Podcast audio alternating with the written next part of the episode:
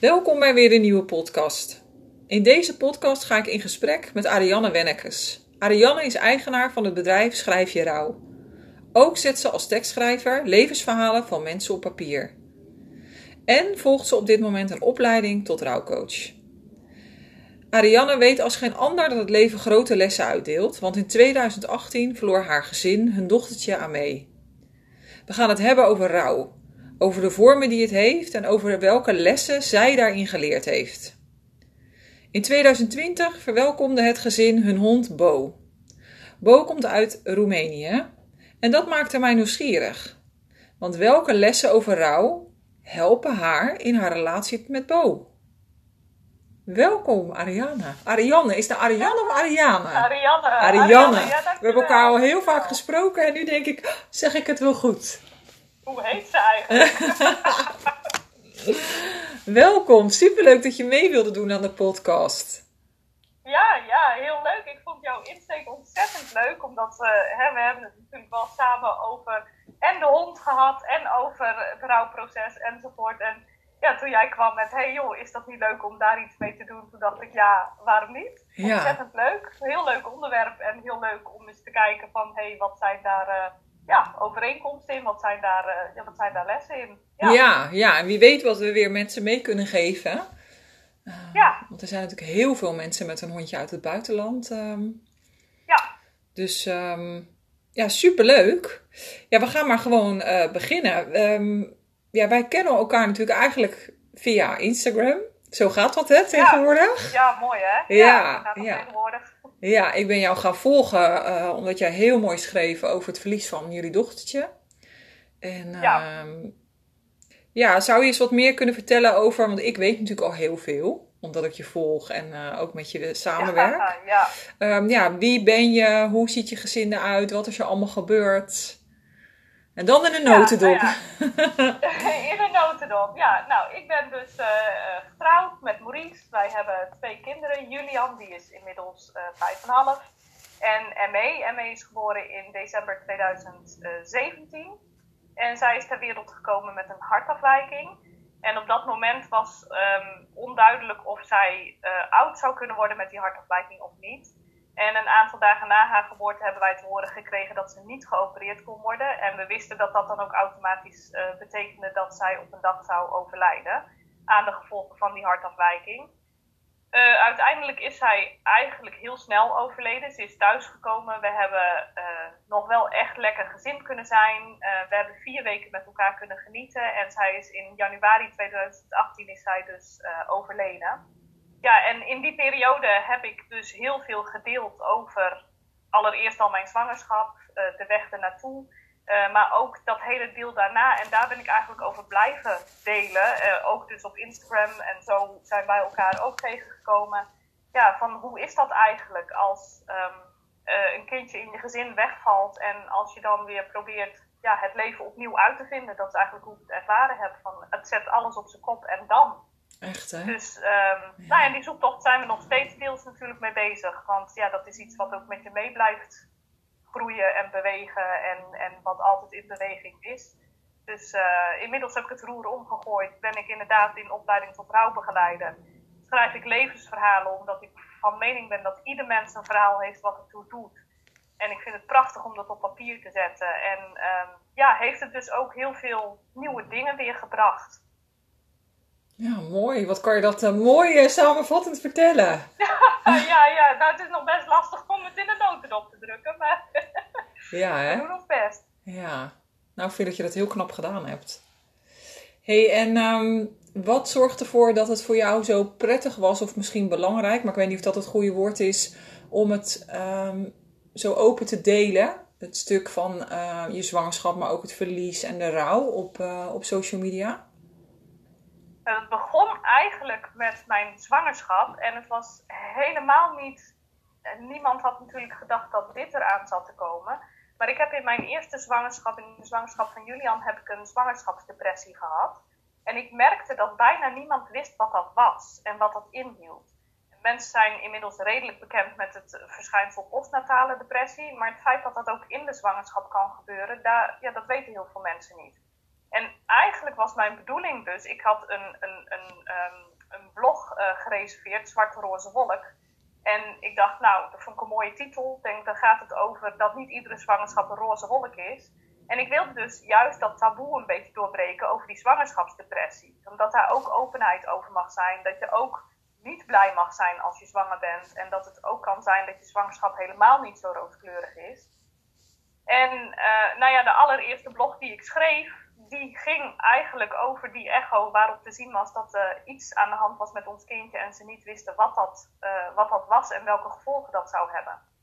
Um, en ja, zo ben ik eigenlijk als vanzelf dat hele proces gaan bijhouden. Dus wat eigenlijk begon met ik wil een taboe over het een doorbreken. Ja, dat werd eigenlijk van dat ik mensen meenam in de zoektocht van onszelf. Van wat is er precies aan de hand en wat doet dat dan met je. En ik vond het wel heel waardevol om mensen gewoon echt een inkijkje te geven in hoe, ja, hoe is dat als het leven op die manier loopt en wat doet dat met je. En voor, welke keuzes kom je te staan. En um, ja, ook bij het overlijden van, hè, na het overlijden van ME, ja, en dan? Wat gebeurt er dan met je? Hoe sta je dan weer op? Hoe pak je dat leven weer op? Um, ja, ik vind het gewoon heel waardevol om, om te laten zien dat het leven ook gewoon het leven is. En dat, dat bij hè, mijn overtuiging is dat iedereen met zijn struggles te maken krijgt. En dat je daar gewoon ook, als we daar met elkaar open over delen, dat er ook ruimte is voor ieder verhaal. Dus um, ja, toch een stukje taboe doorbreken, denk ik. Ja, en gewoon laten zien dat het leven het leven is. Ja, mooi. Mooi. hey, en wat wist jij überhaupt over rouw voordat je uh, ja, wist dat je afscheid moest nemen van jullie kindje? Want ja, in hoeverre was rouw al eens in jullie leven geweest? Was je daar überhaupt al bewust van wat zoiets kon doen? Nou, we waren wel al eerder mensen in ons leven verloren. En ik wist ook wel um, ja, hoe moet ik dat zeggen? Ik, ik had wel iets gezien van de impact, maar het was altijd nog buiten de deur gebleven. Het was altijd nog in een ander huis. Dus je had altijd nog de plek om zelf je naar terug te gaan. En dan neem je wel het verdriet mee en dan ervaar je dat allemaal wel. Maar dit was voor ons echt de eerste keer dat het zo concreet ja, in je eigen huis ja, om jou gaat. dat je echt die lege plek in je eigen huis voelt. Ja.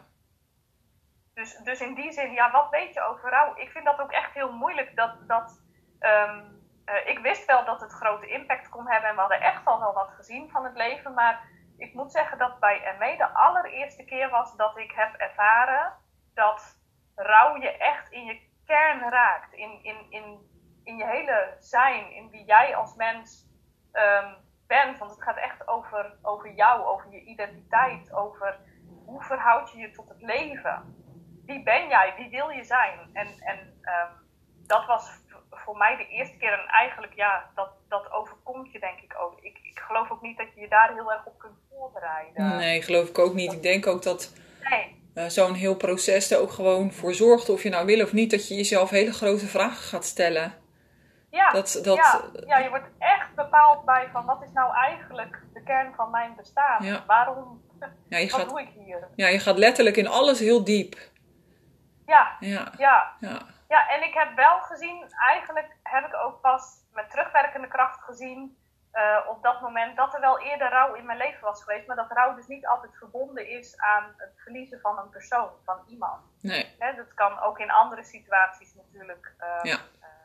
Uh, kun je rouw tegenkomen. Als je het hebt over een relatie die stuk gaat, als je het hebt over, um, nou ja, een, een baan of iets wat waar jij heel veel uithaalt, heel veel waarde uithaalt, waar jij echt jouw bestaan dus inderdaad uithaalt, jouw bestaansrecht. Dat als je dat soort dingen verliest, dat dat ook rouw is. Dat heb ik ook pas daarna eigenlijk gezien. Van, goh, die rouw was er wel eerder, maar ja. nooit herkend als nee. rouw. Dus nee. het gaat echt over die, die kern, denk ik. ja hey, en um, ik, ik, ik, ik heb natuurlijk een aantal vragen voorbereid uh, om de rode draad in de podcast te houden. En nu lees ik hem terug. Nu lees ik hem terug en dan dacht ik, oeh, denk ik zo. Dat, dat, je hebt best een pittige vraag opgeschreven. Maar ik ga hem gewoon benoemen. Als je nu aan iemand uit zou moeten leggen wat rouw is, als, en die persoon heeft het nog nooit meegemaakt. Hoe zou jij dan beschrijven en laten we hem dan even specifiek over het verlies van een kind houden. Want het is natuurlijk wel echt in ons geval heel specifiek. Uh, ja. Dus als je nu iemand leert kennen en die vraagt jou, jeetje, maar hoe is dat dan? Ja, het, het is heel moeilijk denk ik om dat in één of twee zinnen samen te vatten. Maar ik denk wat we net uh, schetsten, van dat het je echt in je diepste wezen raakt, in, in de kern van je bestaan.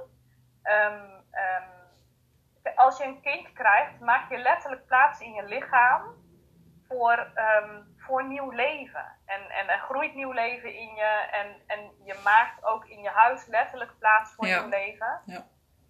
En dat gebeurt ook echt in jou. En op het moment dat je dan um, datzelfde kindje los moet laten, dan zit die leegte dus niet alleen in je huis, maar die zit ook werkelijk in jou. Het is, ik, ik zeg ook altijd, ME zit in iedere cel van mijn ja, lichaam. Mooi. Ik heb het echt, ik heb het echt net nog opgeschreven, omdat ik wat post had voor te bereiden. En toen schreef ik ook op, um, uh, zij zit in elke vezel van ons lichaam, in elke vezel van ons bestaan. Weet je, ik, ik hou ook niet van het woord, ja, je moet het een plek geven. Dan denk ik, een plek, je moet eens weten waar ze allemaal plek heeft. Het is, dat is een heel, heel mijn zijn is uh, zij in alles. Ja, dat, ja. dat, ja. dat is niet één plek. ik kan dat ook niet anders uitleggen dan dat als je dan op dat moment, als dan dus uh, je je voorstelt dat je kind dan dus um, overlijdt, dan betekent dat ook dat dat dus invloed heeft op iedere cel van jouw lijf. Op iedere vezel van jouw leven. Ja. Dus het grijpt ook gewoon echt heel diep in. Ja. Mooi antwoord. Mooi. 2,5 jaar na het overlijden van Amé, klopt dat? Kwam jullie hondje Bo? Ja, um, even denken. Ja, Bo is vorig jaar juni. Ja, vorig jaar eind juni, eind juli. En ik ben het heel even kwijt, eind juni volgens mij. Ja. Is die bij ons gekomen. En um, ja, dat was nog wel een dingetje.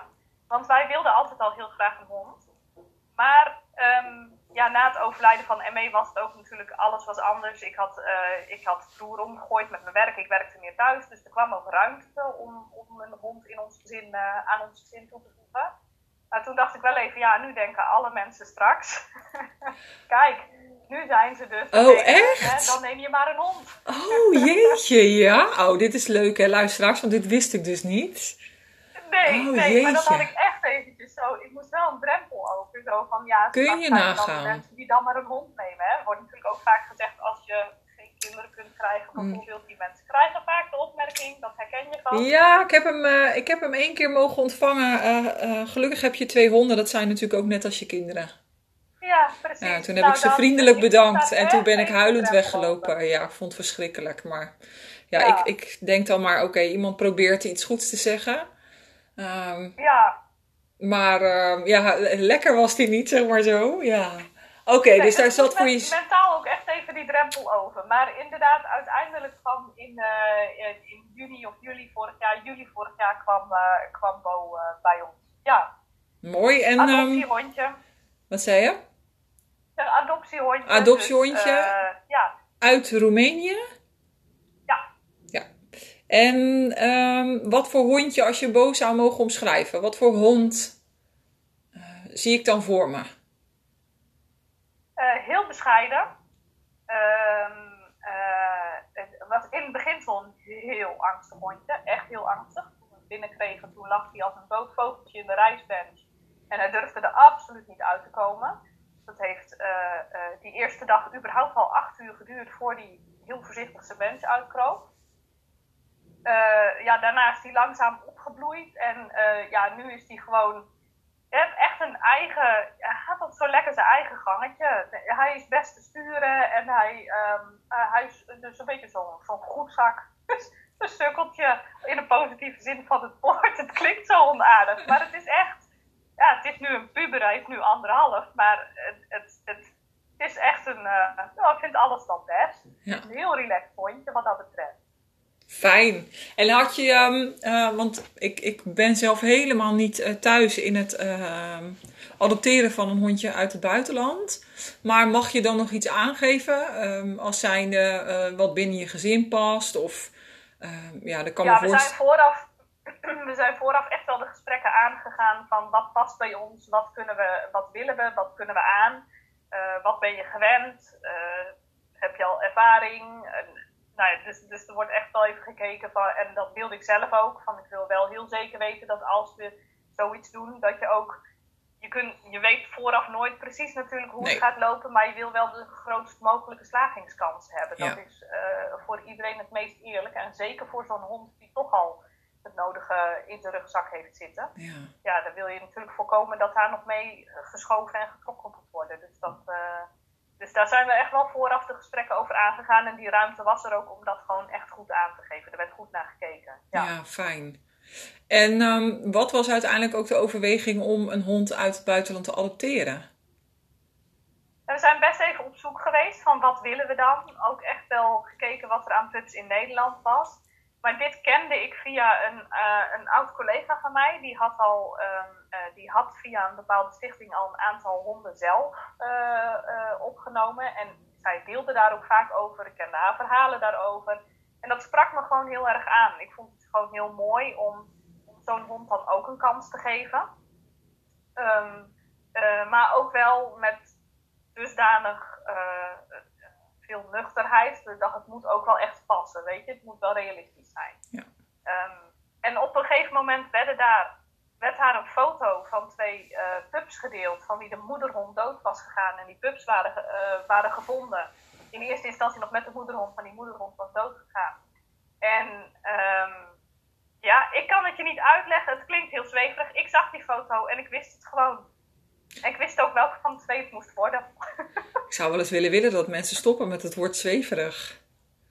Je wist het gewoon, punt. Dat is je, Ja. je ziel, je intuïtie. Ja, ik Die weet het gewoon. dingen. Ik denk, deze is het. Ja. Het kan niet anders. Het Ja. maakt niet uit wat er nu nog gebeurt, maar deze is het gewoon. En klopte het? Ja, het klopt ook. Ja, ja, en uiteindelijk is die heel ziek geweest nog, daar ter plekke. Ehm, ik heb ook echt die foto alleen maar zitten bekijken. En gewoon tegen die hond gepraat, ook al zat hij in Roemenië. Kom op, er is een plekje voor je klaar hier. Hou vol, kom erdoor. Oh. En eh, hij heeft het overleefd. eh, samen met zijn broer overigens hebben beide overleefd. Zijn beide naar Nederland gekomen. En eh, ja, toen begon in juli eigenlijk pas echt ons avontuur. Want toen kwam die hier. Dus dat was een hele nieuwe ervaring. Ja, en ehm, als je dat. ehm, eh, kan je überhaupt omschrijven hoe die eerste fase is geweest? Want dan komt er dus weer een nieuw gezinslid. Want ik zie een hond wel als een gezinslid. Absoluut. Ja, ja. eh, met een rugzak. Zelf was je geen honden gewend volgens mij. Ja, ik was wel eh, van huis uit honden gewend. En ik had ook wel een, een hond gehad met wie ik veel getraind had eh, vroeger. Toen ik nog vroeger, voor mij, toen ik nog thuis bij mijn ouders woonde Ja. We waren allebei van huis uit wel honden gewend. Nou, dat is ook wel, vind ik wel persoonlijk een behoorlijke vereiste als je met een adoptiehond begint. Want het was heftig. Ja, Het was heftig. oké. Ja, het was heel intensief.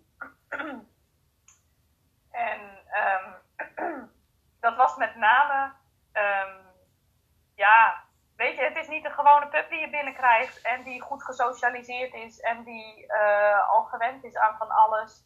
Het beestje had, was en heel ziek geweest en had een reis achter de rug, was van hand naar hand gegaan, had nul vertrouwen. Eh, ja, waar ga je beginnen? Het is echt helemaal aan de basis. En nou, ik heb wel eens gezegd, met een baby heb je minder werk. maar het was echt, het was heel, heel intensief. En je moet elkaar helemaal leren kennen. Ja. En dat geldt twee kanten op. Hè? Die hond moet jou leren kennen. Mooi, ja, precies dat. leren kennen. Ja. Ja. Hey, en... Si- ja? nee, zeg maar.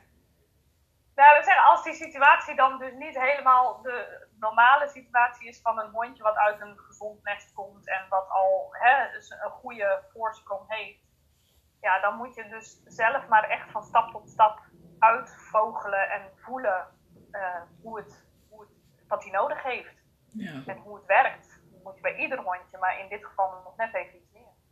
En wat heeft ervoor gezorgd dat jij daar zo naar kon kijken?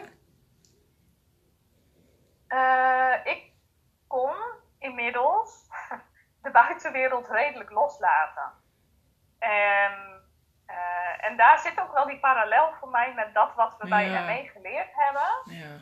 Ehm, dat was dat uiteindelijk je echt helemaal zelf moet voelen wat voor jou goed voelt. Wat, heb, eh, nou, in het geval van ME, van wat heeft dit specifieke kind nodig? Wat, eh, wat denken wij dat zij nodig heeft?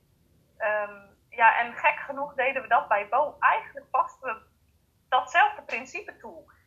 Wat heeft deze specifieke hond nodig? En het doet er niet toe wat de rest van de wereld daarvan vindt. Wij doen het op onze manier.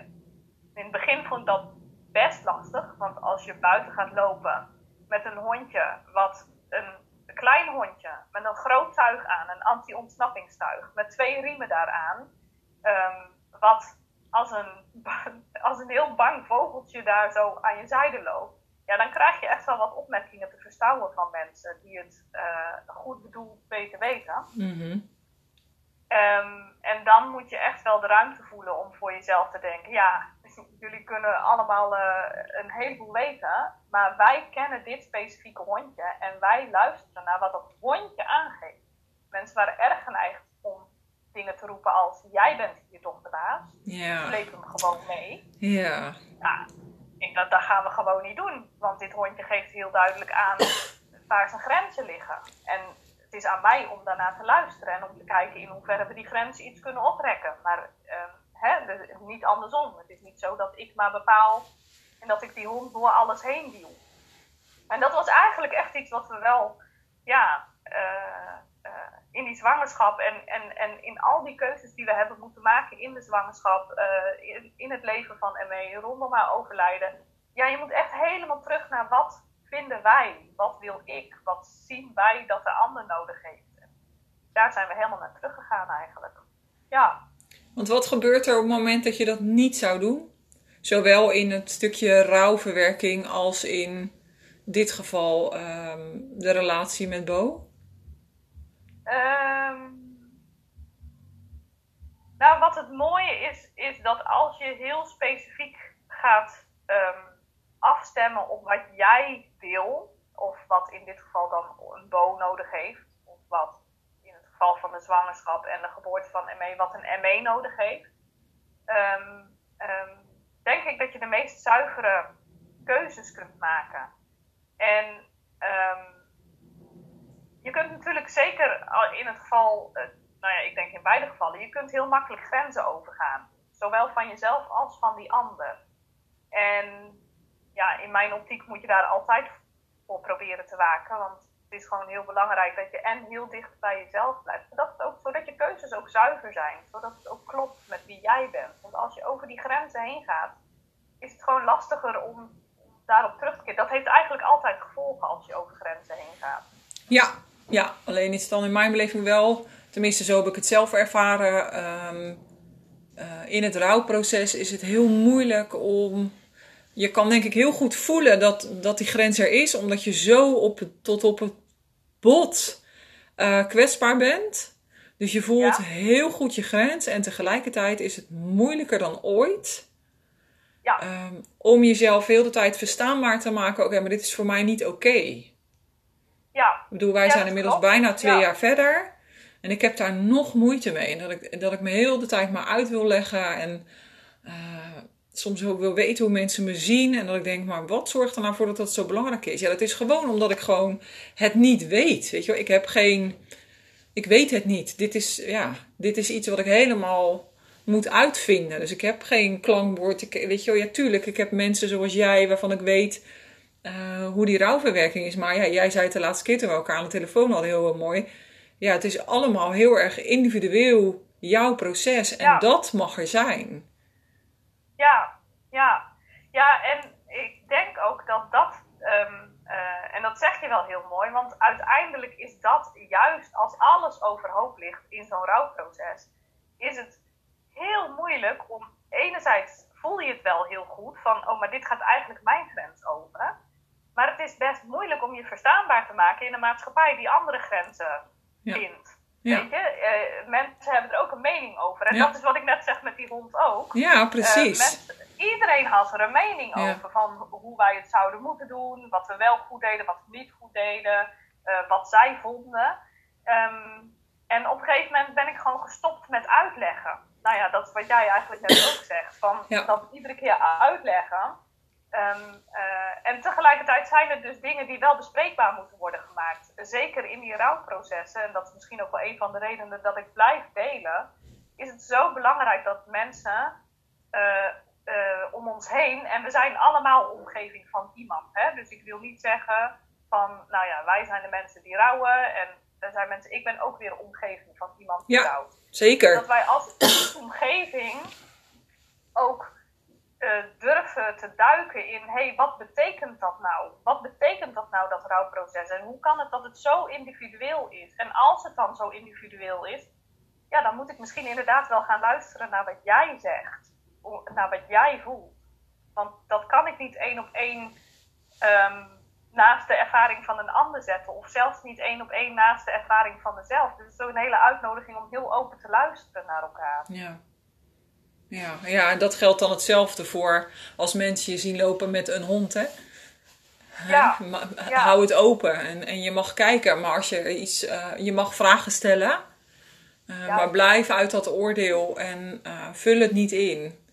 Ja, Ja, want je weet, je, ook altijd, je kent het verhaal van de mens niet, Dat maar altijd. ja, we kennen elkaars verhaal niet, we weten niet de achtergrond van de honden. ehm, ja, ik bedoel, ik heb dat zelf ook erg gemerkt aan Bo in de eerste weken nadat Liv was overleden. En ik, ging weer alleen met hem naar buiten. Nou, hij, ik, hij trok me bijna omver. Hij was zo waaks. Hij was me Ja. zo aan het beschermen. En, eh, en, en dat, ik, dat me dat ook zo raakte. En dat ik dacht, ja, ik snap het. Want je hebt Ja, zo het gevoel, ja. jij bent helemaal nog niet klaar om die wereld in te gaan. Dus ik ga iets oplossen. En eh, ik heb er toen ook echt voor gekozen om die wandelingen gewoon echt even niet alleen met hem te doen. Eh, omdat ik dacht, ja, jij hebt ook even iemand nodig die wel dat vertrouwen heeft. En eh, dus ja, prachtig hoe je dat, eh, hoe je dat hebt gedaan met Bo. Ja. Ja, en ik denk ook dat dat wel echt een uitnodiging is. En het, het mooie is dat bij Bo ook wij hadden in, in ons, ik had dan die oud collega, hè, de stichting waar de hond vandaan kwam. Daar kun je natuurlijk je vragen neerleggen. Ik heb ook echt wel hulp gezocht hier in de regio. Van, eh, ik wil het graag zo goed mogelijk doen. Ja. Ehm, ik ben ook echt wel van het hulp vragen. Vind ik ook heel belangrijk. Geldt Ja. ook bij rouw Ja, van, ehm, eh, weet je, voel je alsjeblieft vrij om, om hulp in te roepen, om te zeggen, ehm, ik wil gewoon even met iemand spiegelen, doe ik dit, nou ja, goed, hè, maar, maar zit, zit ik Zit op nog oké. koers voor mezelf. Ja. Eh, maar ook om dus heel zuiver af te stemmen dat het echt gaat om, om wat jij voelt, wat jij ervaart. En dat je echt ook mag leren om, op, om, om daar, ja, om dat als leidraad te nemen. Want doorgaans weet je het zelf echt wel heel goed te voelen allemaal. ja mooi. Ja, dus je, dus je luistert heel erg goed naar je eigen stem. Tegelijkertijd eh, ben je ook oké met wel soms die hulpbronnen inschakelen. Het een kan naast het ander. Ja, en we hebben allemaal onze blinde vlekken, hè? Ja, Ik bedoel, ja. Wij doen het ook niet perfect. Nee. En, en het is juist fijn als je dan even met andere mensen kunt sparren en kunt spiegelen van... hé, hey, wat gebeurt er nou eigenlijk precies? En Ja. ook zoals met Bo bijvoorbeeld, er kwamen veel... Ja, het is grappig, we weten allebei Bo. Ja, Ehm, dus er kwam, er kwam ook echt wel, ja, je wordt ook wel geconfronteerd met jezelf als, je, eh, hè, als zo'n hondje bepaald gedrag vertoont. Bo die kreeg echt een periode dat hij, ja, dat hij nadat hij zich veilig voelde, dacht hij, oh, maar wacht even, nou ga ik hier even de regels bepalen. Dan Ja. heeft hij een hele heftige reactie in gehad. En toen moest ik opstaan. Nou, dat vond ik moeilijk. ja. Dus dat confronteert je ook heel erg met jezelf. En dan is het echt goed om ook ja, iemand te hebben bij wie je dat neer kunt leggen. Ja. Hey, ik merk dat ik dat niet zo makkelijk doe. Wat, eh, wat kan ik doen? Nou ja, maar dat is met rouw ook. Dat confronteert je ook met jezelf. ja Op precies. dezelfde manier eigenlijk. Ja, ja. Hey, en als er nu mensen luisteren die een hondje ja, of eh, willen adopteren, of misschien hebben geadopteerd en een beetje met de handen in het haar zitten, wat zou jij hun mee kunnen geven? Eh, nou, allereerst inderdaad, ehm, eh, als, als het niet goed gaat, schakel alsjeblieft hulp in. Hè? En, en voordat je ertoe overgaat, denk ik dat het heel belangrijk is om je erin te verdiepen. Waarom wil je het?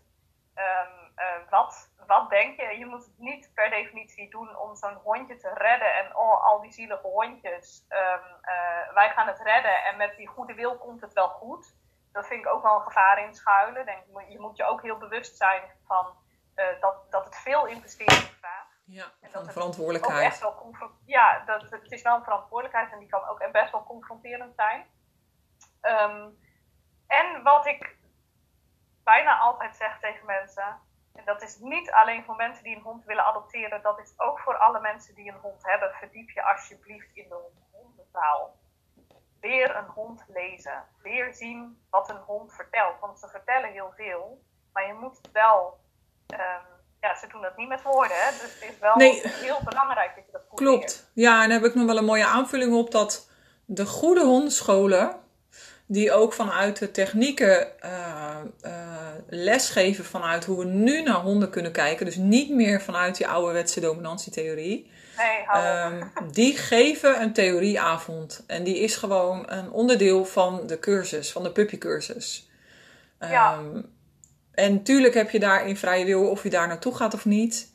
Ehm, ik ben ook helemaal niet van de theorie. Maar dat zijn wel, eh, dat, wij zeggen altijd als we dat doen, dan zit je goed. Want die is gewoon enorm belangrijk. Ook vooral ik vind, voor ons als volwassenen sowieso, maar ook in een gezin. Weet je wel, wat Absoluut, leren de kinderen ja. en eh, ook de grenzen van de hond. En eh, je kan er zoveel, zoveel mee voorkomen. Ja, nou dat is dus inderdaad waar wij dus ook gestart zijn, nog voordat Bo kwam. Wij zijn onszelf gaan verdiepen in, hey, wat zijn de nieuwste inzichten en hoe zit het nou precies. Maar we hebben ook een boekje gekocht, eh, Julian die toen vier was, eh, om met hem te lezen van, hey, hoe communiceert een hond? Wat kun je zien en wat Ja, doe je wel en wat mooi. vindt een hond wel fijn en wat niet? En Ja. hoe zie je dat die hond zijn grens aangeeft en respecteer die ook. Ja. Andersom ook, die hond heeft ook te leren jouw grens te respecteren. Als jij iets niet prettig vindt, mag je dat ook aangeven. Ehm, maar ik vind dat vind ik wel persoonlijk echt heel belangrijk. Want ik denk dat er ook, ehm, nou ja, als ik het wel zo om me heen zie gebeuren, gaan er ook echt wel dingen mis. Omdat mensen gewoon niet, zich niet bewust zijn van dat een hond eigenlijk al veel eerder signalen geeft. Ja, ja, die is dan voor mij weer interessant, hè? Want eh, ehm, even los van of ze de hondentaal kennen of niet. Wat ik ook heel veel daarin zie, is dat die mensen zelf ook helemaal niet. ehm, die grenzen liggen ook heel ver weg. Ja, ja precies. En dat Of ze hebben ze helemaal niet. Ja, of ze hebben ze helemaal niet, waardoor dat dus bij hun eigen hond gebeurt. Ehm, oh, ja, ik heb het zelf ook ervaren. Ehm, eh, met Baloo, die is nu drie keer eigenlijk door dezelfde hond. eh, ja, ze is niet gebeten, maar ze heeft er wel, hij, ze heeft er wel, ja, hoe zeg je dat, gepikt. Een beetje zo'n zo'n nip Ja, even zo ja, in die kont. ja. En, en Baloo is daar echt wel angstig van geworden naar andere honden toe. Wat echt heel jammer is, want zij was een hele vrije hond. Ehm, ik ben met die dame ook gaan wandelen. Ik heb Bo meegenomen. Waarop zij ook zei, neem maar Lou maar mee. Dat ik zei, nee, want dat kan dus niet. Terwijl Baloo, Bo is veel stabieler. Die is ook niet onder de indruk. Die blijft heel rustig als andere honden. Ehm, ja, en, en de, die, de grens van de eigenaar van die hond ligt heel anders dan de grens van de hond waarmee ze werkt. Ze is ook een hond uit het buitenland. Ehm, en als iemand die grens niet ziet, ja, dan wordt het Ja. natuurlijk ook heel ingewikkeld. Dus Ja, juist nou, daarom.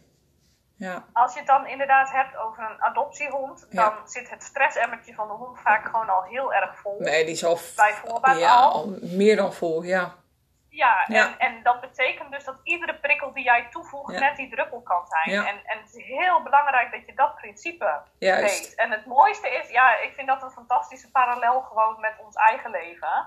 Want het gaat over jezelf. Weet je, het gaat ook over wat is jouw stressemmertje? Hoe ziet die eruit? Welke druppels vallen er bij jou in dat emmertje? En wanneer loopt die bij jou over? Ja, Ehm, ja, en zo is het voor ieder levend wezen. Dus het is heel belangrijk, denk ik, juist ook als je naar een adoptiehondje gaat kijken, dat je heel bewust bent van dat die emmer al helemaal vol zit. En dat wat je te doen hebt, is eerst die emmer legen, voordat daar überhaupt iets bij inpast. ja, mooi. Ja, Dat waren mijn vragen. Het schiet nog wel iets, Ja. Het schiet nog wel iets binnen, maar ik zit even te, eh, te voelen hoe ik die. ehm, eh, nee, die ga ik niet doen. die ga ik niet doen. nou ben ik heel nieuwsgierig. Ja, snap ik, snap ik. Nou, vertel ik je straks nog wel dan. Ehm, ja, ik vond het mooi. Ik, ehm, eh, ik, ik, ik kreeg natuurlijk zo'n brainwave van... hé, hey, rouw en de hond en...